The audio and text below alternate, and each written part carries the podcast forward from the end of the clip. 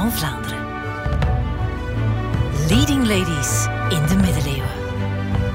Een co-productie van Clara en het Henri Pirenne Instituut voor Middeleeuwse Studies van de Universiteit Gent. Met Julie van Bogaert, Els de Parmentier en Lisa de Metz. De kleine Maria van Bourgondië, het pittige prinsesje dat het Bourgondische hof geregeld op stelte zet met haar kattenkwaad. Ik zie haar zo door de velden galopperen op haar hekniepaardje met zijn grijze buik. Maar aan die zorgeloze tijd komt een abrupt einde wanneer ze pas 19 is. Want in 1477 sterft Maria's vader, Karel de Stoute, op het slagveld van Nancy. Van de ene dag op de andere moet Maria volwassen worden en de macht van haar vader overnemen. Ze was Karels enige kind en dus de wettige troonopvolger. Maar niet iedereen is het daarover eens. Het is zo dat de Franse koning erin geslaagd was van veel vroeger te weten te komen dat Karel overleden was. Dus tegen dat de bodes Maria bereikt hadden, wist de Franse koning al dat Karel overleden was en zag hij zijn kans om hertogdom Bourgondië binnen te vallen en op te eisen. Hij vond namelijk dat uh, Bourgondië niet in handen van een vrouw kon terechtkomen. Hij betwiste eigenlijk dat vrouwelijk erfgenaamschap van Maria van Bourgondië. Maar meer dan dat, want hij zou niet alleen het hertogdom Bourgondië binnenvallen, maar ook het vrijgraafschap Bourgondië, het graafschap Henegouwen. En dat waren toch leengebieden van de, de Duitse keizer, waar hij eigenlijk helemaal geen aanspraak op had. Maar ook Picardie, Artesië en zelfs Vlaanderen zou hij binnenvallen. En dat zijn eigenlijk gebieden ja, die al heel lang in die, erfenis zaten via de vrouwelijke lijn. Dus ook helemaal niets met die Bourgondische erfenis te maken had. Dus hij ging eigenlijk ook wel zijn boekje te buiten eh, en zette Maria enorm onder druk. Je moet maar durven. En wat het allemaal nog erger maakt, de Franse koning, Lodewijk XI, dat was Maria's dooppeter. Hij was erbij op dat doopfeest waar Philips de Goede zijn kat stuurde. Lodewijk was toen nog geen koning, maar als kroonprins heeft hij Maria van Bourgondië boven de doopvond gehouden. De Franse koning is Lodewijk XI en hij was ook Maria haar peetvader. Dus hij had eigenlijk ook wel eigenlijk een plicht naar haar toe om die rol van vader op te nemen na de dood van haar echte vader. Dus eigenlijk pleegde hij een beetje een goddelijke contractbreuk door zijn petekind niet te helpen, niet te beschermen en zich tegen haar te keren. Klinkt bekend in de oren, hè? Een dooppeter die zijn eigen petekind kwaad doet? Zoals bij Philippa van Vlaanderen natuurlijk. Dat jonge prinsesje, een kind nog maar, dat in de kerkers van het Louvre is geëindigd. Zo'n vaart loopt het gelukkig niet met Maria van Bourgondië. Ze weet zich uiteindelijk nog wel te verweren tegen die Peter van haar. Dat zullen we nog wel zien. Maar de Franse koning is niet de enige die Maria een lastige start bezorgt. Haar eigen vader heeft haar eerlijk gezegd ook wel een beetje een knoeiboel achtergelaten. Er waren een aantal vorstendommen die nog maar recent veroverd waren, met harde hand door Karel. En die zouden eigenlijk van, van dat machtsvacuum een beetje gebruik maken, een kans grijpen om zich opnieuw los te wrikken van dat Bourgondische staatsgestel, dat Bourgondische stuk van zich af te schudden en opnieuw een eigen onafhankelijk bewind te gaan voeren. Maar ook in Vlaanderen zou er intern onrust uitbreken. Uh, verschillende steden zullen in opstand komen. En dat had natuurlijk veel te maken met het heel onpopulaire bewind van haar vader. Karel Stoute had een heel erg hoge belastingsdruk opgelegd aan die Vlaamse steden om al die militaire campagnes natuurlijk te gaan ondersteunen, financieel. Eh, maar er was ook een kwestie van corruptie. Het idee dat die Bourgondische administratie niet helemaal goed functioneerde, dat er nog wel wat geld verdween, dat er mensen zaten met slechte bedoelingen voor eigen gewin. Ja, dat was toch wel roddels die circuleerden. Ehm, en zo staat er in de excellente chronieken beschreven dat men bij de kanselier, de topambtenaar eigenlijk van de hertog, had men eigenlijk lege oorkonden gevonden waar het hertogelijk zegel al aanhing. Dus waar de kanselier eigenlijk naar eigen believen iets kon invullen en zich dingen kon toe-eigenen zonder medeweten van de hertog in. Dus die ambtenarij wordt eigenlijk ook van corruptie beschuldigd en er vliegen ook meteen een aantal mensen op het schavot, worden terechtgesteld in die steden, onder meer in Gent. Dus Maria ziet eigenlijk meteen een aantal topambtenaren ook verdwijnen. Geen vlotte start voor Maria. Gelukkig staat ze er niet alleen voor. Ze kan natuurlijk rekenen op Margaretha van York. Die is ondertussen veel meer dan een toffe plusmama voor Maria. Die twee zijn echt geniaal samen, een ongezien powerduo. Samen gaan ze in de tegenaanval. Niet met een militaire campagne, maar met een uitgekiende communicatiecampagne. Zij gaan eigenlijk die vrouwelijkheid, dus dat vrouwelijk cliché van die ongehuwde jonge vrouw, die arme maag, die onschuldige vrouw, die daar van allerlei kanten wordt belaagd, gaan zij uitspelen om tegenstanders eigenlijk in discrediet te brengen. En ze doen dat heel letterlijk. zij sturen op dat moment brieven naar Lodewijk, naar de Franse koning, waarin zij letterlijk schrijven: Kijk, Lodewijk, je gaat het toch niet opnemen tegen je eigen petekind. Hè? Dat doe je niet. Je hebt een goddelijke band met jouw dochter. Hè? Ehm, jij bent haar nieuwe vader. En ze gaan eigenlijk echt letterlijk daarin zeggen van... Kijk, ja, het is helemaal niet eervol hè? Als, als vorst om op die manier iemand aan te vallen. Jij moet haar beschermen. En ze doen dat in, op, in communicatie, maar ze gaan eigenlijk ook een heel leger aan juristen, raadsheren gaan optrommelen om dat ook juridisch te gaan bepleiten en eigenlijk ervoor te zorgen dat Maria wel aanspraak kan maken op haar gebieden. En die communicatiestrategie, het idee van ja, die jonge maagd, die wees, die zonder vader zit en die dan nog eens met een verraderlijke peetvader opgetrommeld zit, ja, dat is een beeld dat zo sterk werd en zo goed werkte, ja, dat dat eigenlijk nog altijd een beetje naleeft in hoe Maria van Bourgogne vandaag nog altijd gezien wordt eh, en in de literatuur aan bod komt. Dat beeld van de weerloze maag die wordt verraden door haar dooppeter, door de Franse koning, dat dient niet alleen om hem onder druk te zetten, maar vooral ook om de bevolking aan haar kant te krijgen. Zo lezen we in de Excellente Chronieken van Vlaanderen, dat schrijft Antonius de Rovere, dat hij zelf een gedicht heeft ontworpen om die uh, jonge vorstin te gaan steunen, waarin dat thema echt centraal staat. Dus echt een communicatiestrategie, want hij zegt ja, dat gedicht werd eigenlijk naar verschillende steden in Vlaanderen, maar ook in Brabant verstuurd om de mensen aan te sporen de hertogin te blijven steunen. En dat is echt een prachtig, mooi gedicht. Minne gemende, ik bidde u hartelijk.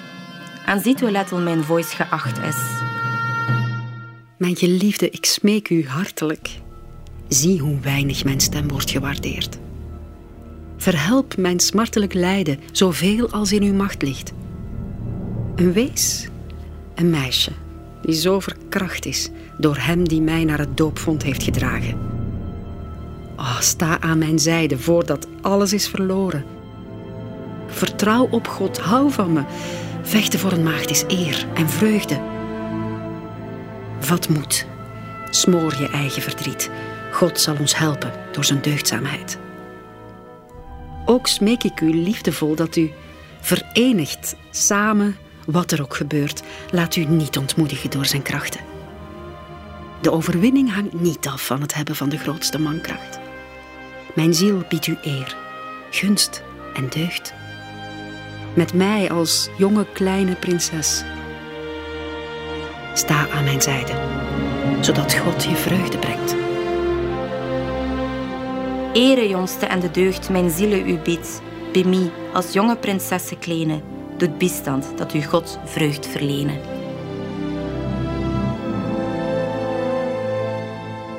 Ja, straffe taal van Antonius de Rovere. Het verraad van de Franse koning wordt vergeleken met een verkrachting.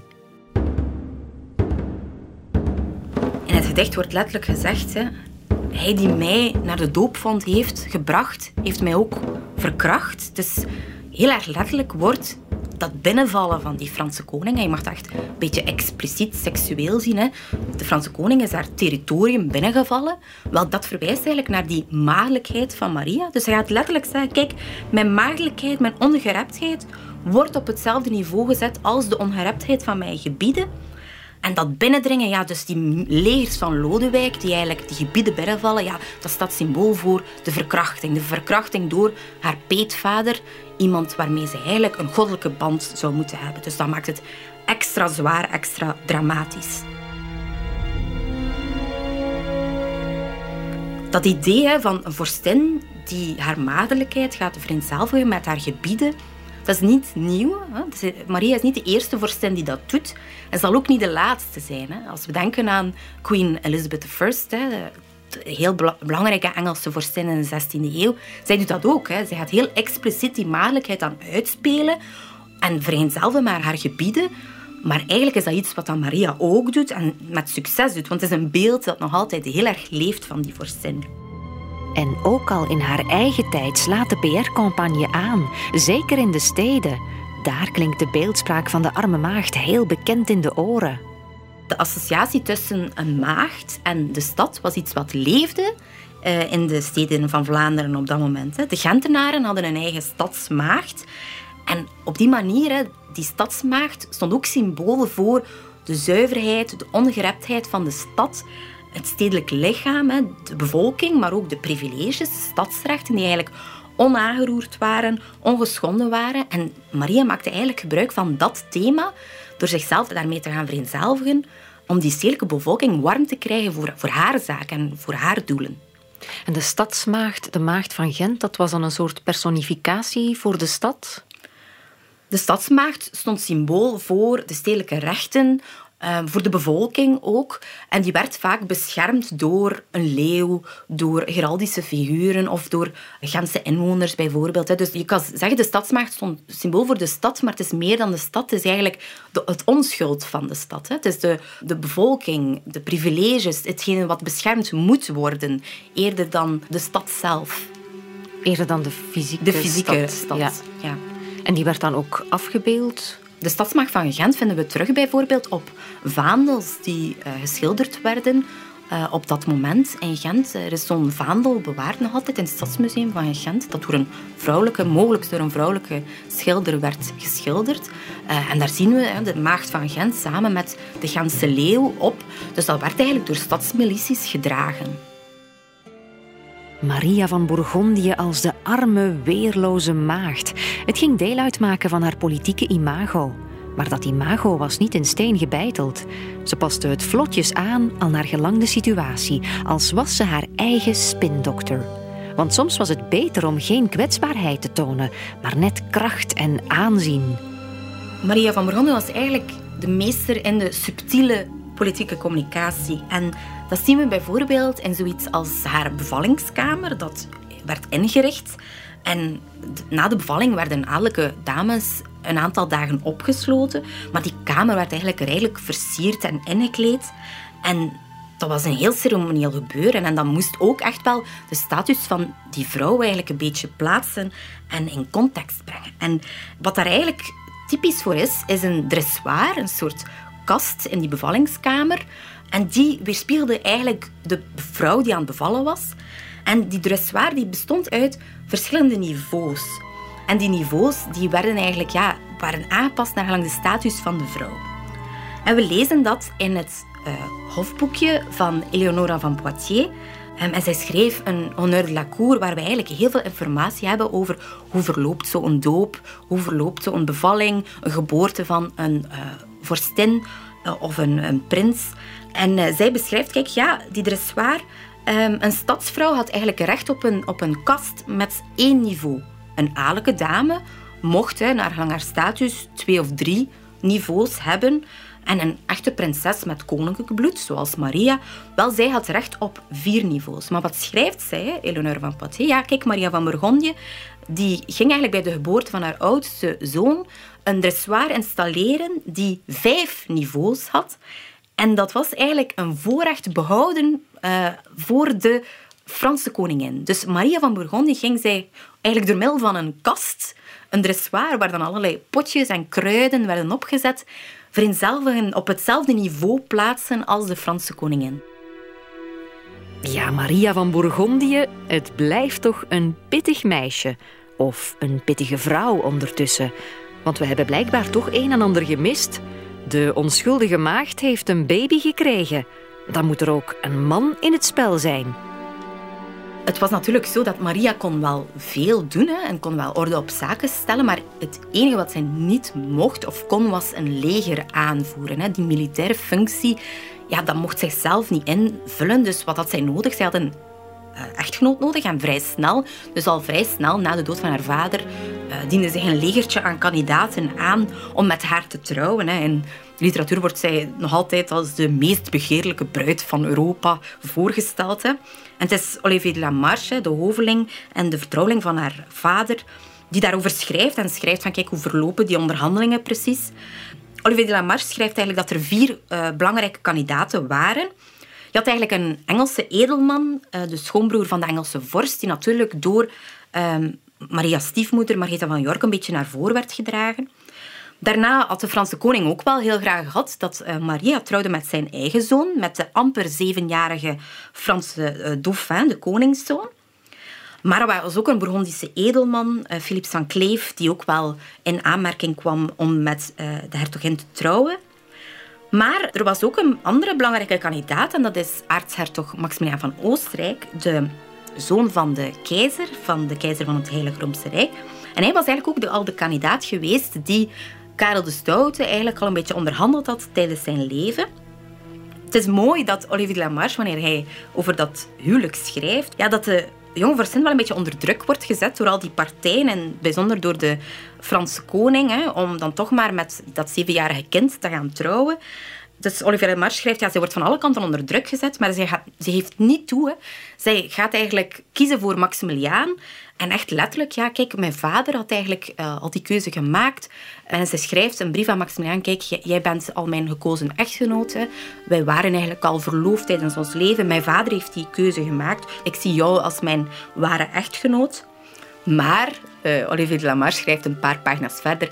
Eigenlijk was het vooral Margitha van York die al had aangestuurd op dat huwelijk van Maximiliaan. De verwachtingen over Maximiliaan zijn hoog gespannen. Ze kunnen in Bourgondië wel iemand gebruiken om orde op zaken te stellen.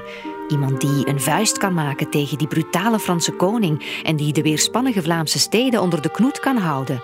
Met Maximiliaans indrukwekkende militaire palmares zou dat zeker voor elkaar komen. Als Maximiliaan eh, in Vlaanderen toekomt, dan uh, was hij bijzonder populair. Hij was een jonge man, uh, eh, 18 op dat moment. Zij was 20 jaar, dus ze waren eigenlijk een populair jong koppel. Hij maakte heel veel militaire successen op korte tijd. En hij slaagde er eigenlijk in om de Franse troepen al terug te dringen, gedeeltelijk terug te dringen, uh, in 1479. Dus hij was eigenlijk in het begin vrij populair. Maar door er zo snel in te vliegen, had Maximiliaan niet echt de tijd gehad om in te burgeren, om te wennen aan de geplogenheden aan het Bourgondische Hof en aan de manier van regeren, vooral dan over de Vlaamse steden, want daar zaten de dingen toch wel wat anders in elkaar dan in het Heilig Roomse Rijk. Daar had hij vooral met edelieden te maken gekregen, maar hier in Vlaanderen moest hij ineens onderhandelen met ja, een soort van nieuwe middenklasse. En dat was hij toch niet gewoon. Hier in Vlaanderen had je wel echt een onderhandelingscultuur tussen die steden en die vorsten. En Maximiliaan slaagt er eigenlijk niet in om zich uh, daaraan aan te passen. En hoewel er wel pogingen worden gedaan, hè, van York die gaat haar uh, schoonzoon gaan onderwijzen. Margrethe gaat Maximiliaan de gewoontes in de Nederlanden gaan aanleren. Ze zou hem ook Frans hebben geleerd en Nederlands. Het is zo dat hij wellicht niet zo heel goed Frans sprak in het begin, maar dus hij probeert wel. Maar hij slaagt er niet helemaal in. Maar waar Maximiliaan misschien nog het meest mee worstelde, dat was zijn plaats aan de zijde van Maria. Of eigenlijk in de schaduw van Maria. Want zij was uiteindelijk de erfprinses en hij de aangetrouwde machthebber, de hertog-consort. En die tweede rangsrol deed toch wel een beetje pijn aan zijn mannelijk ego. Hij liet zich nogal graag als de nieuwe Bourgondische hertog, de nieuwe Bourgondische vorst bedienen. En hij wou eigenlijk niet in de schaduw van zijn vrouw blijven lopen. We lezen dat onder meer in een chroniek van Philippe de Comines. En moeten wel erbij zeggen dat Philippe de Comines iemand is die naar het andere kamp was overgelopen. Dus die nu voor de Franse koning werd. Dus ook niet helemaal betrouwbaar. Maar die Philippe de Comines die schrijft wel, ja kijk, in Gent en in de andere steden in Vlaanderen was eh, de eerbied voor haar, voor Maria, veel groter dan voor haar echtgenoot, omdat zij de vrouw van het land was, omdat zij de echte erfprinses was. Ja, het moet niet makkelijk zijn wanneer je dat gewaar wordt. Maar in Brussel, bij een blijde intrede, wordt het ronduit vernederend. Antonius de Rover schrijft over een blijde intrede in Brussel in 1478. En wat gebeurt er? Het Bourgondische koppel moet eigenlijk een intrede maken, maar er zou een gerucht in de stad circuleren dat de hertogin eigenlijk helemaal niet aanwezig was in Brussel. En dus verzamelt zich een menigte voor het Brusselse Koudenbergpaleis. Um, en die staan te roepen en te tieren. En het is eigenlijk in het midden van de nacht. En die eisen om de hertogin te zien. Want ze hebben schrik dat Maximiliaan alleen die blijde intrede zal maken in Brussel als hertog de dag nadien. Um, dus ze staan daar te roepen tot ze Maria van Bourgogne zien. En zien dat zij ook wel degelijk in de stad aanwezig is. En wat gebeurt er? Maria moet eigenlijk in het midden van de nacht in haar nachtgewaad op een balkon verschijnen, zich tonen aan de bevolking en laten blijken van kijk, ik ben hier echt, hè, jullie vorstin is hier echt, vooraleer de menigte een beetje bedaart en uiteindelijk ja, weggaat. Maria van Bourgogne was een, vorstin die erg gebruik maakte van het feit dat zij in de publieke ruimte aanwezig was. Zij toonde zich heel erg veel. Zij nam deel aan allerlei festiviteiten, toernooien, processies. En dat was een van de redenen waarom zij ook heel erg populair was. Eigenlijk zou Maximiliaan blij moeten zijn dat Maria zo graag gezien is, want haar populariteit straalt af op hem. En dat kan hij gebruiken, want in de steden verlopen de onderhandelingen toch nog altijd stroef. Maar wanneer Maximiliaan alleen verder moet, ja, het is geen geheim dat Maria van Bourgondië heel jong sterft. Dat hebben we helemaal in het begin van ons verhaal al gespoild. Na haar dood dus hebben ze in de Vlaamse steden toch opvallend minder geduld met Maximiliaan. En het ligt ook wel een beetje aan hem hoor, want hij slaat de bal echt compleet mis. Na haar dood probeert hij om regent te worden over die Bourgondische landen, over die verschillende vorstendommen, maar hij slaagt daar in Vlaanderen niet in. Die gebieden die komen eigenlijk toe aan het zoontje van Maria en Maximiliaan, aan de kleine Philips, later bekend als Philips de Schone. Maar ja, het ventje was nog maar vier jaar. Iemand moest dus het regentschap waarnemen en Maximiliaan vond dat dat hem toekwam. Maar daar dachten ze in Vlaanderen toch anders over. Men gaat een regentschapsraad gaan instellen met andere edelen, met de Vlaamse steden. Ze zetten eigenlijk Maximiliaan buitenspel. Maximiliaan die, die laat zich niet doen. En er ontstaat wel een burgeroorlog die tien jaar aansleept en die de mensen eigenlijk ook wel echt ja, in kampen opdeelt. Een echte factieoorlog pro- of anti-Maximiliaan. Maximiliaan had ook wel een aantal medestanders in Vlaanderen. Er zijn wel een aantal mensen die zijn, zijn kant kozen. Uh, maar een heel groot deel van de bevolking die gaat zich eigenlijk tegen hem keren. Um, en dat is in het bijzonder zo in Vlaanderen, ook wel in Brabant, in Brussel bijvoorbeeld. Maar in Vlaanderen ontpopt dat echt tot een ware burgeroorlog. En tijdens die burgeroorlog speelt Vlaanderen het hard. Ongezien hard. In 1488 ontploft de situatie eigenlijk helemaal, die burgeroorlog. Want wat gebeurt er? In het begin van dat jaar wordt Maximiliaan gevangen gezet in Brugge. En dat is eigenlijk een evenement dat de hele christelijke wereld, dus echt choqueert, tot de paus toe. Brugge wordt geëxcommuniceerd. Je doet dat niet. Hè. Maximiliaan was op dat moment tot Rooms koning al gekroond, dus hij was eigenlijk al een gekroonde vorst. Dat doe je niet om een vorst zomaar gevangen te zetten. Dus het was zijn eigen, zijn eigen onderdanen hadden hem gevangen gezet. De Bruggelingen hadden Maximiliaan gevangen genomen. Meer nog, ze sloten hem op in het huis Kranenburg. Herinner je, waar ook uh, Maria van Bourgondië nog als klein meisje naar het steekspel, de wapenpas, kon kijken. Hij wordt daarin opgesloten, ook om naar een spektakel te kijken op de Grote Markt, maar wel een heel vreselijk spektakel. Ja, hoe zijn eigen medestanders eigenlijk werden terechtgesteld op die Grote Markt. Hoe zijn eigen ambtenarij daar wordt ja, geëxecuteerd. Maximiliaan van Oostenrijk is zonder overdrijven de meest gehate figuur in Brugge. En toch houdt hij nog een aantal aanhangers over. Vanuit zijn gevangenis is het voor Maximiliaan natuurlijk wel moeilijk om met hen nog contact te houden. Moeilijk, maar niet onmogelijk. Er is een Brugse chroniekschrijver die eigenlijk op dat moment ook schrijft dat Maximiliaan nog een aantal medestanders had in Brugge en dat daar een belangrijke rol was voor vrouwen in die communicatie tot Maximiliaan op dat moment. Hè. En hij beschrijft hoe twee vrouwen werden gevangen genomen in dat jaar omdat zij brieven zouden brengen aan medestanders van uh, Maximiliaan. En we lezen dat ook. Hè. Er is één voorbeeld uh, uit de vorstelijke administratie.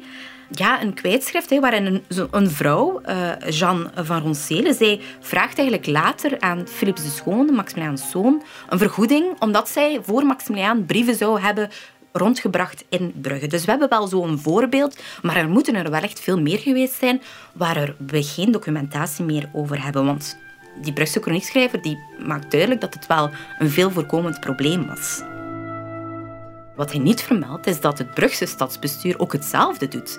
Zij gaan ook vrouwen gaan uitsturen om te gaan spioneren, om brieven te gaan rondbrengen in het kamp van Maximiliaan. En voor Brugge is jammer genoeg de administratie verloren gegaan. Maar voor Gent en Yper hebben we eigenlijk een heel gedetailleerde informatie waarin net in die burgeroorlog, dus dat is echt heel specifiek voor die tijd, heel erg veel vrouwen vergoed werden voor het ronddragen van brieven, maar ook voor spionagewerk. En zo leren we bijvoorbeeld dat voor de stad Yper twee vrouwen, een zeker uh, Crispine Sirois, Um, zij wordt eigenlijk naar Menen gestuurd om daar nieuws te vernemen van de Duitsers die daar hun kamp hadden opgeslaan. En een paar maanden later uh, reisde Tuninus Pepers naar Damme en Aardenburg om ook opnieuw nieuws te vernemen van de koning van de Romeinen. Dat is Maximiliaan, die Rooms koning is. Dus die vrouwen eigenlijk worden uitgestuurd om dat leger van Maximiliaan in kaart te brengen. Wat, wat was er gebeurd? Maximiliaan werd vrijgelaten door het Bruggelingen. Hij moest een vrede ondertekenen en hij moest eigenlijk beloven dat hij geen aanspraak meer zou maken op dat regentschap. Maar dat doet hij wel. Dus van zodra hij wordt vrijgelaten, gaat hij opnieuw een leger verzamelen en eigenlijk grote strafexpedities in het Brugse omland gaan organiseren. Ehm, dus eigenlijk pleegt hij mijn eet. En dat wordt dan ook wel heel zwaar genomen. Mensen, ja, dat wordt eigenlijk ook als argument gebruikt waarom hij zo'n slechte vorst zou zijn, omdat hij zijn woord eigenlijk heeft gebroken. Hoe doen ze dat dan eigenlijk, die, die vrouwen, uh, die briefjes ronddragen en gaan spioneren? Hoe, hoe kunnen ze dat uh, ongemerkt doen? Er is uh, een mooi schilderij bewaard, een schilderij van um, Adriaan van den Houten. Um, en dat schilderij uh, beeldt eigenlijk een legerkamp af. Het legerkamp van Karel de Stoute bij een van zijn vele slagen. En hier gaat het over de slag bij Nuis. En op dat schilderij zien we dus allemaal tentjes staan, hè, een, een soort van ommuurd legerkamp. En aan de rand van dat kamp zien we een aantal vrouwenfiguren rondwandelen. Um, een vrouw die flirt met een soldaat. Dus dan denk je, ja, een prostituee die uh, op die manier probeert informatie te ontfutselen. Dat kan, maar er zijn nog een aantal vrouwenfiguren die in het kamp lopen en zij dragen manden met brood in, met appelen in. En zij zijn eigenlijk onderweg naar een standje waar er allerlei proviant verkocht wordt. Dus het is heel goed mogelijk dat die briefjes werden meegegeven met verkoopsters van allerlei proviant, etenswaren, want zo'n leger had natuurlijk veel eten nodig. En dat er op die manier eigenlijk een oogje in het zeil kon worden gehouden of een briefje kon meegesmokkeld worden. Waarom moesten het dan precies vrouwen zijn die dat soort dingen deden? Het is zo dat vrouwen minder verdacht werden van zoiets te doen. Vrouwen, ja, de relatie tussen vrouwen en politiek was problematisch. Dus wanneer je als vrouw eigenlijk een stad wil binnenkomen in oorlogstijd of wil uitgaan, ja, dan was je minder verdacht dan als je dat als man deed. En er zijn een aantal verhalen die aantonen dat dat wel echt zo was. Want op een bepaald moment gaat Maximiliaan zijn troepen als vrouwen verkleden. Zij verkleden zich als visverkoopsters om op die manier met de visverkoopsters Brugge kunnen binnensmokkelen. Dus het is wel zo dat je als vrouw misschien onopgemerkter een stad kan binnenkomen eh, dan als man. Ik probeer het me voor te stellen. Brugge verscheurd door een burgeroorlog. Mensen die honger lijden, die elkaar niet meer vertrouwen, die nauwelijks nog op straat durven te komen. Zelfs de leiders van de opstandelingen kwamen niet meer buiten zonder bodyguards. Ik denk dat ik het niet meer zou herkennen. Toch niet in vergelijking met hoe we Brugge hebben leren kennen als een uitzinnige feeststad met de blijde intrede van Margaretha van York, de wapenpas van de Gouden Boom en het gezelschap van de Witte Beer. Ongelooflijk toch hoe er op twintig jaar tijd zoveel kan veranderen, ook in de middeleeuwen.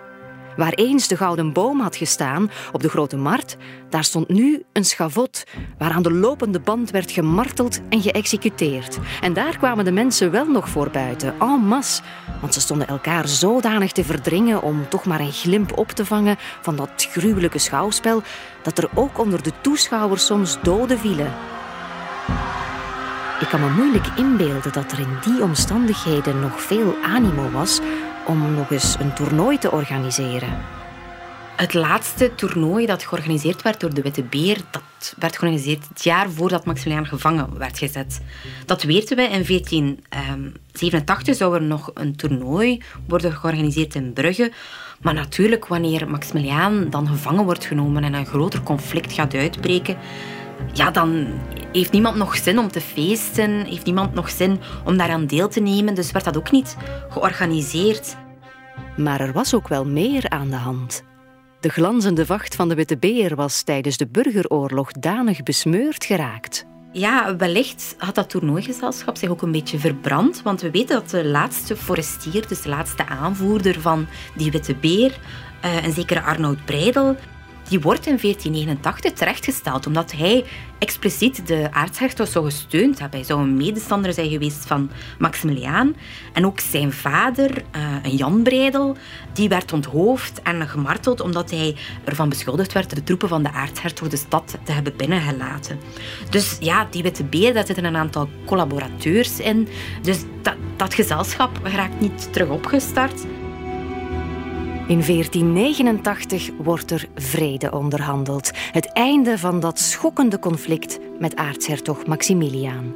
In Brugge dan toch, want in de rest van het graafschap blijft het onrustig. Gent en dan later Sluis blijven eigenlijk weerstand bieden tegen die aartshertog tot 1492. Maar ook daarna wordt dat genootschap eigenlijk nooit opnieuw leven ingeblazen. Dat is eigenlijk tot zijn einde gekomen. En je merkt dat er een beetje een einde is gekomen aan die pracht en praal, die grote feestcultuur en die grote toernooicultuur in Brugge. Het voelt echt wel als het einde van een tijdperk. Meer dan gewoon het einde van de Witte Beer. Want heb je de datum goed gehoord? 1492. Dat is ook letterlijk het begin van een nieuw tijdperk van de nieuwe tijd met Christoffel Columbus die voet aan wal zet in een nieuwe wereld. Ja, het is altijd een beetje willekeurig natuurlijk, zo'n indeling in tijdvakken, maar zo hebben we het toch allemaal geleerd op school. 1492, het begin van de nieuwe tijd. En nu we toch weer op de schoolbanken zijn beland, wordt het misschien wel eens tijd dat ik iets opbiecht. Zo helemaal op het einde van mijn geschiedenispodcast. Toen ik zelf op de schoolbanken zat, toen is de vonk nooit echt overgesprongen de vonk voor geschiedenis. Ik kan er niet echt de vinger op leggen waarom dat zo was, maar wat me nu wel opvalt, is dat het in die geschiedenislessen toch nogal vaak ging over de grote daden van grote mannen. Of ik dan meer geboeid zou zijn geweest door de grote daden van grote vrouwen, dat denk ik niet. Ik had in die tijd ook geen idolen waar ik naar opkeek, geen Spice Girls of Backstreet Boys die ik verafgoodde. En gelukkig heb je ook geen idolen of helden nodig om geschiedenis interessant te vinden. Het is niet zo, uh, omdat we nu ja, onze blik werpen op die vrouwen, dat dat automatisch uh, allemaal heldinnen zijn, dat dat uh, leuke personages zijn, dat dat geweldige, fantastische figuren zijn. Ook dat zijn vrouwen die wel eens uh, hardhandig kunnen optreden. Ja, veel mensen ook onrecht hebben nagedaan, die geprivilegeerd waren. Dus we moeten zeker ook opletten met die vrouwen ook te veel te gaan ophemelen. De reden waarom dat die mannen zo lang in de spotlight stonden in, in historisch onderzoek, uh, maar sinds de 19e eeuw is natuurlijk omdat dat sterke figuren zijn. Zeker figuren zoals Philips de Goede, die alle macht naar zich toe trekken, die centraliserende vorsten zijn, die alle gebieden aan zich weten te binden. Ja, dat, dat waren dingen die verheerlijkt werden vroeger. Um, en om die reden kennen we die figuren ook en vinden we dat belangrijke figuren. Maar als we kijken naar hoe wij vandaag leven, wat wij vandaag belangrijk vinden in politiek, is dat dan veel gebieden veroveren? Is dat dan met harde hand regeren? Of zijn dat andere dingen? Zijn dat dingen zoals kunnen onderhandelen, onderdanen ook het woord geven, met verschillende partijen aan tafel zitten, samen uh, bepaalde rechten afspreken, bijvoorbeeld. Is dat een rol spelen in, in diplomatie? Dus dat zijn dingen ja, die we in moderne politiek wel vaak terugzien.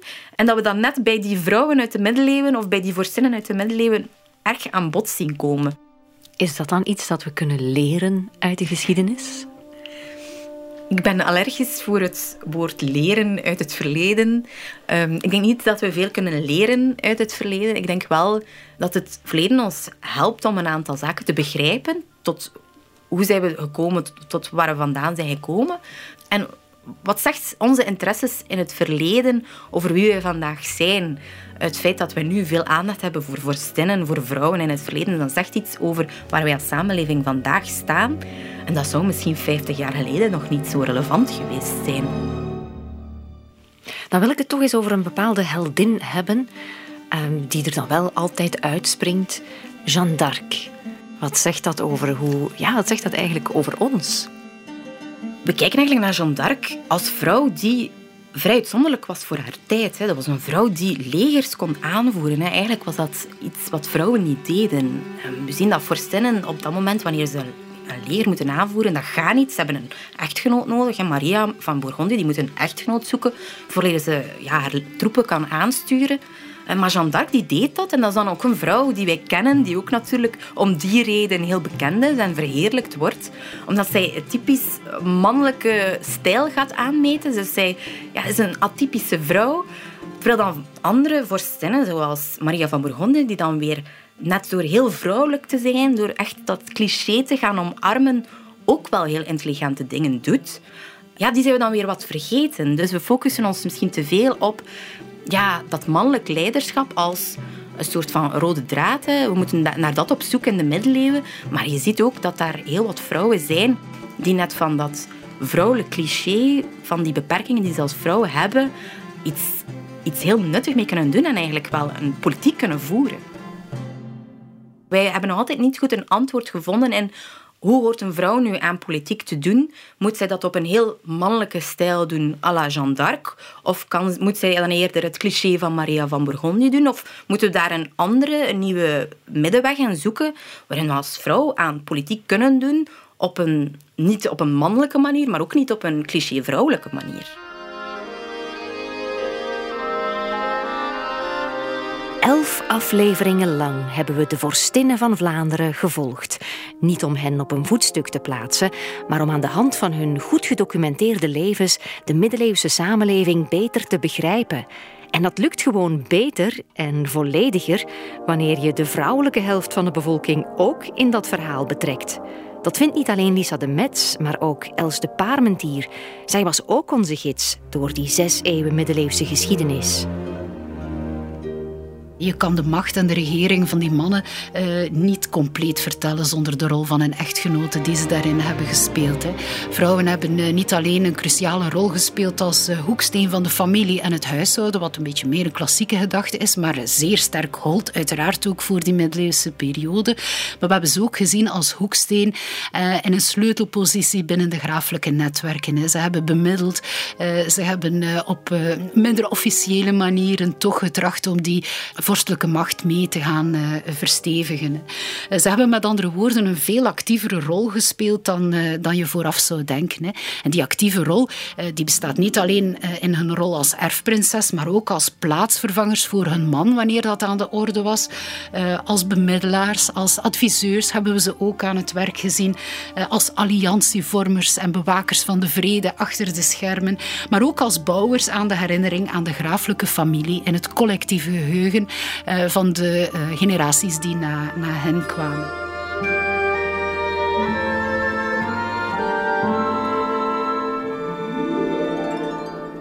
Wat misschien nog de grootste verdienste is van de gravinnen waar we het eh, over eh, hebben gehad, is het feit dat ze door dat middeleeuwse wereldbeeld dat zo sterk op mannen gericht was, dat ze creatiever moesten zijn uiteindelijk om daarmee om te gaan, om binnen die beschikbare beperktere ruimte die ze hadden, dat ze zich daar toch in weten te manifesteren hebben op een zeer clevere manier en toch op allerlei manieren hebben getracht om een stempel te drukken. En daarom verdienen ze ook alle aandacht en respect.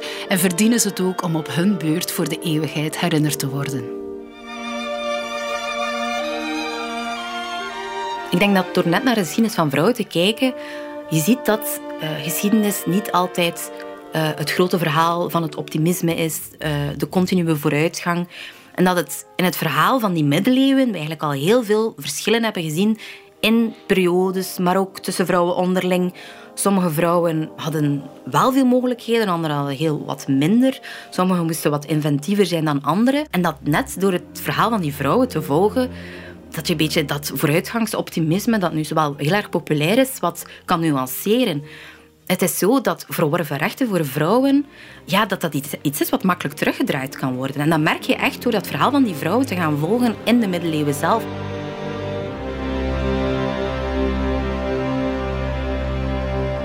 Pas nu, met prinses Elisabeth, hebben we in België voor het eerst in onze geschiedenis uitzicht op een soevereine koningin van België. Op een vrouw dus die als eerstgeboren koningskind de troon mag bestijgen. Dat kan nog maar sinds 1991. Pas sindsdien maakt het niet meer uit of dat eerstgeboren kind nu een jongen of een meisje is. Daarvoor gold nog een wet uit de tijd van de Franken, de Salische wet en die liet geen vrouwelijke erfopvolgers toe. Op onze eerste vrouwelijke premier hebben we tot 2019 moeten wachten met Sophie Wilmes. Wereldwijd waren er in 2023 onder alle staatshoofden en regeringsleiders 14 vrouwen te vinden en dat aantal is ondertussen alweer gezakt. De CEO's van de tien machtigste bedrijven ter wereld zijn allemaal mannen. Van alle Bel 20 bedrijven heeft slechts één een vrouwelijke CEO. Het hoogste rechtscollege van het land, het Hof van Cassatie, kreeg pas in 2019 voor het eerst een vrouwelijke voorzitter. En in datzelfde jaar waren slechts twee op de tien federale topambtenaren vrouwen. Vrouwen krijgen gemiddeld 9,2% minder betaald per uur dan mannen. En vrouwen werken vaker deeltijds dan mannen, 43% tegenover 13%. In de media vinden we bij de vijf grootste mediahuizen wel geteld één vrouw in een toppositie, één vrouwelijke voorzitter van een raad van bestuur. Wie spreekt er nu over middeleeuwse toestanden?